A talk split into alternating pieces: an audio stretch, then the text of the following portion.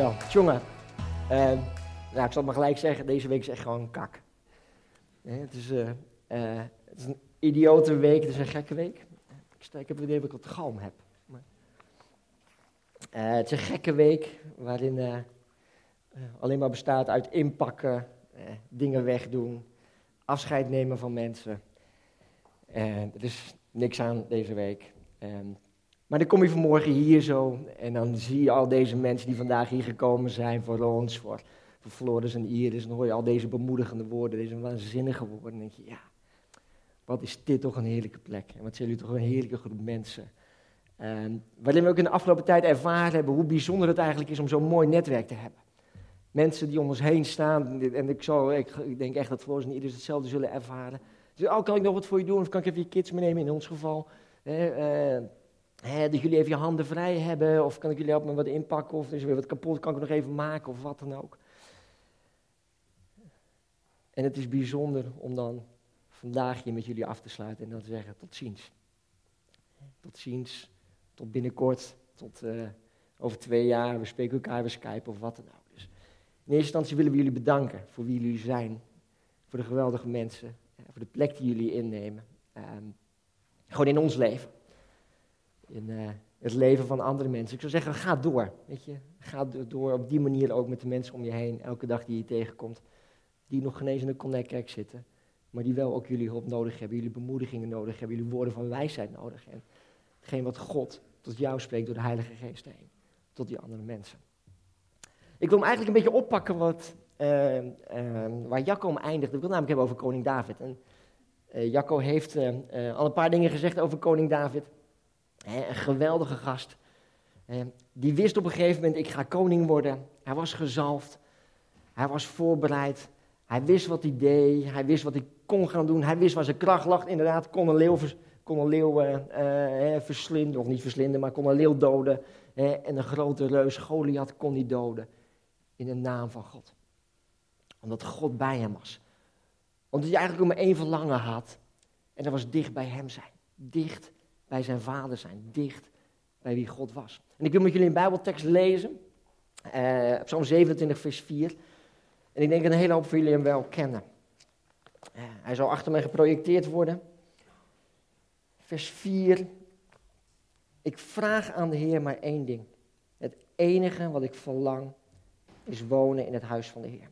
En alle dagen van mijn leven om de liefde van de Heer te aanschouwen, Hem te ontmoeten in zijn tempel één verlangen.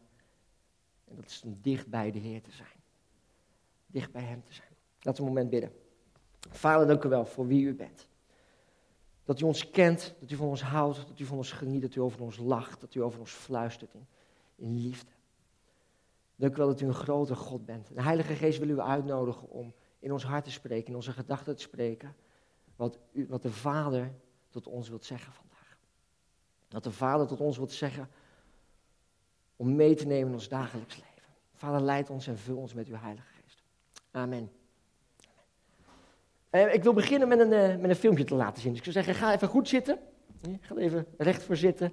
Wees er klaar voor. Uh, ik zou zeggen, Marcel, uh, salam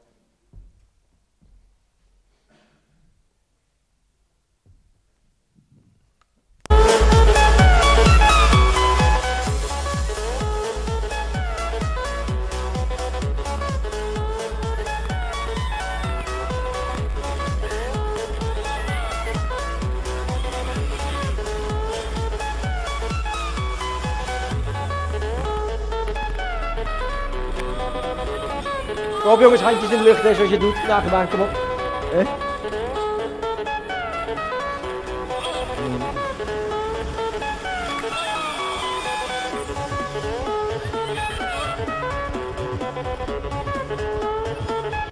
Yes, dankjewel.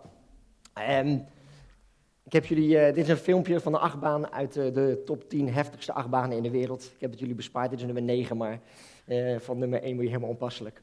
Uh, daar word je niet blij van. Uh, deze gaat ongeveer zo'n 200 km per uur, staat ergens in Amerika, duurt uh, ruim twee minuten. waanzinnig. Ik denk dat niemand van jullie ooit in deze achtbaan is geweest, ik in ieder geval niet. En het leuke van een achtbaan is, um, nou ja, het, het, doet iets met je. En maar wie kan even roepen? Roep maar gewoon even. Wat vind je het meest spannende deel van de achtbaan? Naar boven gaan. Oké, oké. Iemand anders? Sorry? Naar beneden gaan. Ja, ja. Eh, is voor je boven gaat. Je gaat zelf een keer naar beneden. Ja, nog meer. Over de kop. Ja. Dat hij blijft zitten. Dat hij die beugel blijft zitten. Ja, dan hoorde hier nog iemand wat. En de kotsers vind je het meest spannend als hij maar achter je zit en niet voor je. Ja, dan hebben we de meest last van. Ja, ja, inderdaad. Sorry? Als die niet blijft zitten. Die beugel, ja, ja, ja inderdaad, ja. En ik heb uit eigen ervaring bij achtbanen, als ik voor de allereerste keer naar een achtbaan ga, vind ik het meest spannende moment de wachtrij. Dan heb je dat verlangen, oh yes, ik ga naar deze achtbaan toe, nog nooit ingezeten. Geen idee wat er gaat gebeuren. Ga ik het doen, ga ik het niet doen. Ga ik het doen, ga ik het niet doen. Ah, ik wil zo graag, nee, nee, ik doe het toch niet, ik vind het eng. Ja, maar ik ga toch. En op een gegeven moment besluit je dat, dat, dat pad in te lopen van die wachtrij. En dan ga je er staan en dan zie je het eerste bordje. Nog één uur. Eén uur die spanning opbouwen in je lichaam. Oh, hoe zal het zijn? Wat zal er gaan gebeuren? Wat zal het met me doen? Na een half uur word je, ah, nog een half uur wachten. En die adrenaline die begint op te lopen bij jezelf. En je ziet ook vaak in zo'n, in zo'n, in zo'n wachtrij dat het... Uh, uh, je ziet eigenlijk twee soorten mensen. Mensen die eigenlijk heel stil gaan worden. Of mensen die echt gewoon hyper worden. Uh, alleen maar van de adrenaline. Dus bij de een werkt het zo, bij de ander werkt het zo. En het mooie is van die achtbaanwachtrijen... Er is altijd een escape plekje net voordat je definitief het beugeltje door gaat lopen van, hé, jij bent de eerstvolgende voor degene die niet durven. De exit. En dan komt op een gegeven moment dat je denkt, ah, nee, en dan ga je door dat poortje heen en dan komt zo, zo'n soort berusting. Ja, ik ga het doen. Ik ga het doen. Ik ga in die achtbaan zitten. En dan ga je daar zitten in dat stoeltje en dan doe je die klik dat ding naar beneden en dan hoop je maar dat die vast blijft zitten. En dan kijk je nog even naar de zijkant en dan zie je de volgende rij met wachten al staan, die na jou aan de beurt is. En die denkt, ja, het gaat nu echt beginnen. En dan ga je naar boven, dan weer naar boven getakeld, tik, tik, tik, tik, tik, tik, tik. Gaat allemaal heel langzaam. En dan, ga je over dat heuveltje heen, die eerste hoge heuvel. En op het moment dat je dan het laatste karretje erachter is, woef, en dan ga je. En dan is het zo, oké, geen idee meer wat er gaat gebeuren. Kan linksom gaan, rechtsom gaan, een looping, je hebt het van tevoren, heb je gekeken, oh dan gebeurt dat, dan gebeurt dat, maar ben je erin zit, het allemaal kwijt. En dus je, je gewoon, tweeënhalve minuut, zie je daar in het karretje, oh, handjes in de lucht als je durft. Waar ben je aan begonnen? En dan rol je op een gegeven moment uit en dan helemaal die euforie, dan kom je daar bij die exit, of dan is het weer klaar. En dan, en gaan die beugels omhoog, omhoog en dan denk je, ha, die wil ik nog een keer. Dit was kick.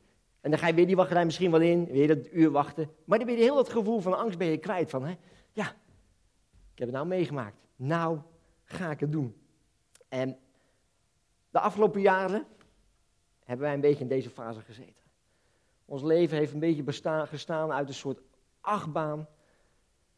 Met allerlei verschillende fases. Waarin we merkten, nou ja, Oscar die noemde net al toen we voor de eerste keer weer een beetje bij Connect kwamen. Dat ik dacht, nou, het is goed om bij een kerk te komen, maar uh, ja, ik ben klaar met kerkjes spelen. en inderdaad, toen hij mij vroeg van, hé, hey, nou, je bent op de, de opbouwavond eerste, hè, weer in een naamkaartje, dat mensen echt gewoon kunnen zien, dat je erbij hoort. En kreeg gewoon hyperventilatie, omdat het gewoon niet, uh, het paste gewoon nog niet bij mij. Het was gewoon nog niet in de fase waar ik in zit. Maar wat ik wel merkte, toen ik weer in Connect kwam, eerst op woensdagavond, later op de zondagen, de passie voor Jezus. De passie voor Hem. Het, de focus gericht zijn op Jezus en wat Jezus wilde gaan doen. En dat merkten we enorm. En door dat verlangen om Jezus te gaan volgen, meer naar Hem te luisteren, kwamen andere dingen weer terug naar boven. Dromen, verlangens, dingen die we wilden gaan doen, dingen die we kwijt waren. En toen kwam eigenlijk steeds het grotere moment, nou we hebben net gezegd, een half jaar in Hongkong gewoond en toen we terugkwamen, het verlangen. Willen we non-stop leven in gehoorzaamheid van Hem? Willen we leven en luisteren naar wat God tegen ons zegt en zeggen, ja, hem wil ik volgen, hem wil ik, ik wil luisteren naar zijn stem en zeggen, zegt u maar, wat moet ik gaan doen?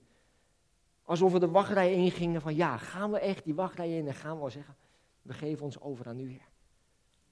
En naarmate het steeds verder kwam, in die wachtrij, in dat proces, het bidden waren, Heer, zegt u maar, dat we duidelijk weten van, oké, we gaan naar het buitenland toe. In eerste instantie wilden we gelijk alles weten. Heer, zegt u maar, wat gaan we doen? Hoe gaan we het doen? Moeten we naar het buitenland? Waar gaan we naar werken? Waar gaan we wonen? Nee, dat God ons sprak, stukje bij beetje. Nederland of buitenland. En dat God ons sprak, nee, we gaan naar het buitenland toe. Ah, ah, we waren weer een stukje opgeschoven in onze wachtrij. Steeds werd het duidelijker. Maar nog steeds dachten we, we hebben nog een escape. Dat poortje bij die achtbaan. Nou, ik durf het niet. En nou, we pakken ons reguliere leven weer op. Was ook oké, gewoon in de kerk. Kunnen we ook gewoon onze plek innemen. Nee, we wilden gaan voor het volledige, gaan in de volledige gehoorzaamheid naar God toe. En toen kwam het berusting. Ja, we gaan terug naar Hongkong. We gaan om zijn volk, om, om te luisteren en uh, gehoorzaam te zijn naar wat God ons gesproken heeft. En dan gaan we kijken van oké, hoe moet dat nou? Hoe gaan we dingen regelen? En toen kwam alles, eh, alles uitzoeken, tickets, school, huisvesting, alle hele waslijsten vol met dingen die we moesten gaan regelen. Onze achtbaan was gestart en het was een achtbaan vol met emoties, vol met wendingen die we niet aanzagen komen, keuzes die we moesten maken, beslissingen moesten maken. Wat doen we met school? Wat doen we met onze huisvesting? Wat doen we met onze huis hier? Wat doen we met een heleboel andere dingen? Zit die beugel wel goed vast? Zitten we nog steeds wel op de goede weg? En we vonden het eng, we vonden het spannend in onze hele reis, maar we wisten, alles willen we doen om gehoorzaam te zijn aan wat God tot ons zegt. En er schiet van alles door je heen. Maar als nu weer terugkijken, dan denk ik, ja, nee. ik zou het zo weer opnieuw doen. Want ik weet dat God bij ons is. En de woorden die gesproken zijn, de profetieën die gesproken zijn, de bemoedigingen die gesproken zijn. Nadat we keuzes gemaakt hadden. Ja, dit is de weg die God met ons leven gaat. Maar ook uh, gedachten die je moest veranderen, die we moesten aanpassen. Ik heb uh, in mijn leven, uh, waren er drie dingen die ik, waar ik niks mee had. De eerste was met het woord zendeling. Gewoon, vond ik als kind vond ik het altijd gewoon een vies woord. En ik weet, waar we woonden met onze ouders was altijd nog een, een, een huis van een, van een kerk. En daar werden soms zendelingen opgevangen. en eh, vies woord, zendelingen, die zaten in Nepal, die mensen. Nee, helemaal niks. Gewoon niks. Daar heb ik helemaal niks mee. Uh, het tweede was uh, mensen die leven van giften. Helemaal niks mee. Wat vervelend voor ze. Afhankelijk zijn van wat God geeft, hoe mensen gaan voorzien. Uh, vertrouwen dat het goed komt. we hadden allebei goede banen. En respect voor de mensen die dat deden. Maar dat is niet mijn weg. Dat is niet mijn ding. Het derde was Facebook. Uh, sinds een paar dagen heb ik Facebook, of hebben wij Facebook. ja, ja, ja, ja, ja. Geen idee hoe het werkt. Ik heb Joffrey die mij helpt, maar... dus als wij aankomende dinsdag op het vliegveld staan, in het vliegveld zitten, zijn er drie dingen veranderd in mijn leven. In ons leven. Ik ben zendeling geworden. Ik leef van giften. En om onze vrienden en familie te laten weten wat we doen, hebben we Facebook. Ja, ik hou van grappen, ik hou van humor. Ook van hele goede voorbereide grappen. Maar deze had ik niet aanzien komen. Nee, maar dat is wel hoe God werkt. Ook in je eigen proces moet je je denken veranderen. Moet je dingen loslaten. En wat ik enorm geleerd heb, of wat we ook enorm geleerd hebben in de afgelopen jaren. En, en uh, uh, wacht, volgende sheet. Um, als je Jezus wil volgen, Hem wil volgen, uh, en zijn plan met je leven wil doen, um, en dat verlangen hebt, wil ik hem toch in eerste instantie terugbrengen naar het verlangen wat David had. Zijn in het huis van mijn vader. De plek zijn waar hij is, in zijn intimiteit. Wat Jozua zei in de tent met, met, uh, in Exodus, hè, dat als Mozes wegging, bleef Jozua in de tent om bij aanwezigheid, in de aanwezigheid van God te zijn. Zijn heerlijkheid. Want dat is de plek. En dat is wat we geleerd hebben in ons eigen proces, in ons eigen verlangen. We kunnen willen, we kunnen alles doen, we kunnen alles bedenken, maar eigenlijk hebben we maar één verlangen. En dat zijn in het huis van de Vader. Dat weten we wat goed is. Dat weten we wat goed is. En naast dat verlangen hebben we dus ook weer geleerd om onze verlangens die we hebben, gewoon wel te laten groeien. Wat wil ik met mijn leven? Wat zou ik graag willen? Wat denk ik dat God uh, uh, tot ons wil spreken in zijn tent, in zijn intimiteit tot ons? Het verlangen om Hem te dienen en Zijn stem te horen.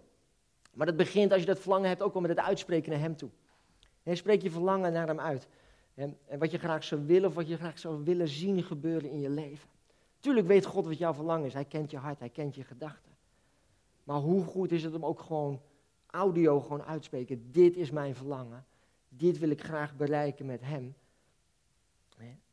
En het bij hem kenbaar te maken. Maar dan is de, dan is de volgende overgave. Het teruggeven van je eigen verlangen toch weer aan God. Je eigen gedachten die je daaromtrent gevormd hebt. Nou, zo en zo zo zie ik het voor me.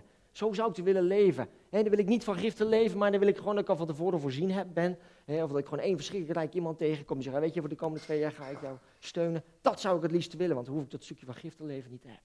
Nee, je eigen ideeën daaromtrent weer loslaten. En laat God tot je spreken. En vertrouw daarin dat Hij je antwoord zal geven. Hij je richting zal geven. Hij je zal vormen. Hij je zal laten zien welke stap je hierin kan zetten. Dus het verlangen hebben, het uitspreken naar Hem, het overgeven, het teruggeven weer wel aan Hem en op Hem vertrouwen, maar wel gehoorzaam zijn aan wat Hij tot je spreekt. Vasthouden wat Hij tot je gesproken heeft. Terugkijken van, oh ja, dit is het vertrouwen wat ik heb. En ik hou vast de beloftes die God aan mij gesproken heeft. Hou vast aan het proces waar je in zit, ook al zal het lastig zijn. Je weet waar je vandaan komt. Je weet wat je meegemaakt hebt. Je weet waar je een herstel nodig hebt. Of je weet waarin je krachtig bent. Hou vast aan die beloftes van God, zoals wij elke keer hebben teruggekeken in ons boek, om vast te houden aan wat God tot ons gesproken heeft. Om dat verlangen te laten groeien in ons leven. En ik doe af en toe aan, uh, aan wielrennen, ik zit af en toe op een fiets. En dan rijd ik ook nog eens een stukje. En uh, vorig jaar, begin van het seizoen, uh, ik had een paar maanden niet gefietst. Ik dacht, nou, ik ga wel lekker, lekker een stuk fietsen. ik ben niet zo'n enorme harde fietser, nee, niet zo'n enorm felle fietser, maar ik had rond de 40 kilometer gefietst en wat heuveltjes meegenomen. En ik kon bij Ede inrijden via de Klinkenbergenweg. En ik ben moe, mijn benen doen zeer, ik kom niet meer vooruit. Ik denk, ben er klaar mee, dan moet je nog een beetje toch die Klinkenberg weg gaat, toch voor je gevoel een klein beetje omhoog. Dan denk ik, nee, niet nog een heuveltje, stelt niks voor. Maar op dat moment was ik klaar mee. En ik kom bij een stoplicht aan en ik moet daar wachten. Dus ik nou, mijn hand vast aan het stoplicht, aan die paal. Komt er een oudere vrouw naast me fietsen. En we kijken elkaar, nou, goedemorgen, goedemorgen. En uh, omdat ik even had uit kunnen rusten, was, werd het groen, dus ik, hop, licht fietsen, hup, hup, trap, trap, trap, hup, een paar meter vooruit. En ik ga weer zitten en ik, ik moet nog heel Ede door naar huis en ik ben helemaal aan de andere kant van Ede. En een paar meter later komt die oudere mevrouw naast me fietsen. Die kijkt me aan en zegt met een glimlach, die, die racefiets heb je ook met een elektrisch motortje. en ze fietst door. En ze lacht verder. En ik echt, kak. Echt gewoon. Echt, hoe kun je het maken? En zij was blij, ze heeft een sterk verhaal. Dus ik dacht, nou, weet je wat me vandaag over kwam? Ik haalde gewoon een racefiets erin. Ja, ja, ja. Maar wat zij niet wist, is dat ik er al 40, 50 kilometer op had zitten. Wat zij niet wist, was dat ik het mijn eerste keer wist, weer was na vier, vijf maanden niet gefietst te hebben. Wat ze niet wist, is dat ik een aantal heuveltjes al had gehad, mijn benen moe waren, hè, dat ik er klaar mee was en dat ik gewoon eigenlijk een beetje aan het uitfietsen was. Dat wist zij niet. Maar ze gaf me wel aan, nou ja, je hebt die dingen ook gewoon met een elektrisch motortje, dat is veel makkelijker. En dat is ook zo als je in een proces zit, als je een verlangen hebt om iets te doen, of ergens mee bezig bent. Je kunt kijken naar wat andere mensen doen. Je kunt kijken naar die mevrouw met die fiets, met die elektrische fiets, die knijterhard voorbij gaat. Je kunt je daardoor af laten leiden. Je kunt je daardoor laten teleurstellen. Je kunt je hè, uh, van, oh, dat wil ik ook, of ik ben nog niet zo ver, of wat dan ook. Nee, hou vast aan wat God tot jou gesproken heeft. Hou vast aan het verlangen wat jij hebt. En weet ook waar je vandaan komt en in het proces wat God met je aan het doormaken is.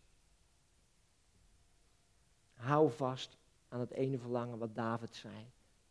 Ik heb maar één verlangen.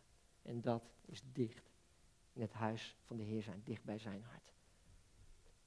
Want dat brengt ons ook weer terug voor onszelf in ons hele proces. Wat we ook gaan doen, wat we ook mee zullen gaan maken. Wat we zullen leren, waarin we zullen uit moeten stappen, wat onze worstelingen zal zijn. Het begint met wat David zei. Met één verlangen. En dat is in het huis van de Heer zijn. Bij hem zijn. hem zijn. En dat is lastig, want je wil vaak bezig zijn met de dingen die gaan komen. David kon ook heel snel vooruit kunnen gaan en kunnen denken, ik zal koning worden. In al zijn strubbelingen, in al zijn moeite, in al zijn pijn. Dicht bij wie Jezus is. Dicht bij wie de Vader is. En daarmee wil ik jullie ook bemoedigen vandaag. We gaan zo ook afsluiten. En we houden het kort vandaag. Om aan te moedigen. Om de plek op te zoeken. Om God op te zoeken. Dit is mijn verlangen. Dicht bij het hart van de Heer zijn. Want daar wil God jou, lift it up, wil jou verheerlijken. Wil jou vrijzetten. Wil jou bemoedigen. Wil je helpen in jouw proces. Wil je helpen om de verlangens die je hebt, die je uitgesproken hebt. Om je daarin te helpen om dat vast te houden. Want één ding weet ik wel. Beloftes van God. Verlangens die je hebt. Profetieën die er over jou zijn uitgesproken. Uh, krachtig zijn in zijn koninkrijk geldt voor ons allemaal. Voor jullie allemaal, voor elk individu. Iedereen heeft zijn plek en mag zijn plek innemen in het koninkrijk van God. Want de plek in de tent, die is er al voor je. God zit te wachten. En er liggen kussentjes klaar. Lekker onderuit te hangen. Dicht bij hem te zijn. En zijn liefde te ervaren. Zijn kracht te ervaren. Misschien kunnen we gaan staan.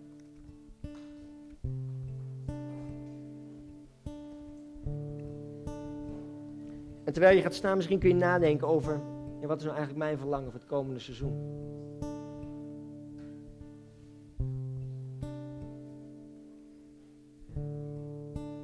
En dan het tweede luik. Heb ik het verlangen om dicht naar Hem toe te gaan? En wat zijn de verlangens die ik zou willen doen in het Koninkrijk van God? Welke plek wil ik innemen? En laat hierin los alles wat je wat je zelf gedacht hebt. Wat, waarin je twijfelt. Waar zit die twijfel op zijn? Laat de Heilige Geest tot je spreken. In je gedachten, in je hart. Want dat is wat Hij wil vandaag. Wat is jouw verlangen voor het komende seizoen? Wanneer het nieuwe seizoen gestart is. En ja, het kan een achtbaan gevoel geven. Op en neer gaan, links en rechts donkere tunneltjes in.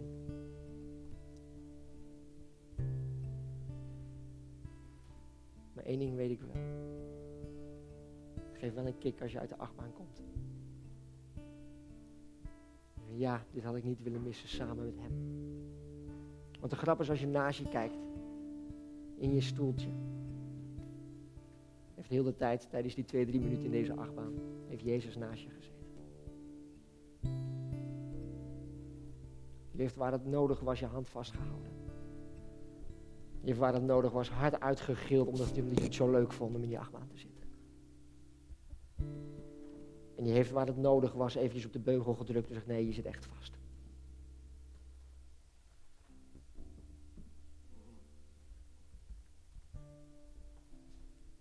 Spreek het uit naar hem op dit moment, als je dat wilt. Wat je verlangen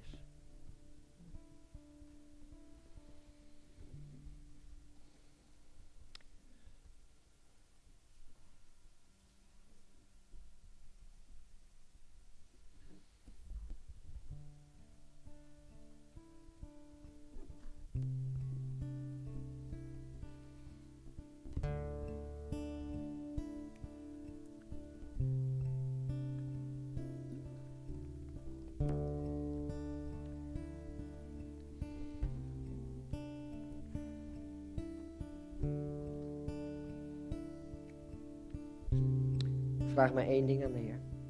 Het enige wat ik verlang is wonen in het huis van de Heer. Alle dagen van mijn leven. Om de liefde van de Heer te aanschouwen. Hem te ontmoeten in zijn tempel. Vader, ik bid op dit moment dat alle gedachten die door onze hoofden zijn gegaan. Zachte woorden die we gefluisterd hebben naar u toe. Of de twijfeling die we proberen opzij te zetten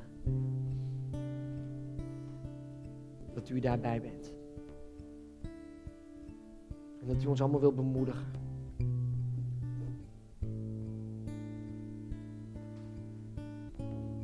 En bij de hand wil nemen in de wachtrij. Door de poortjes heen. In de achtbaan.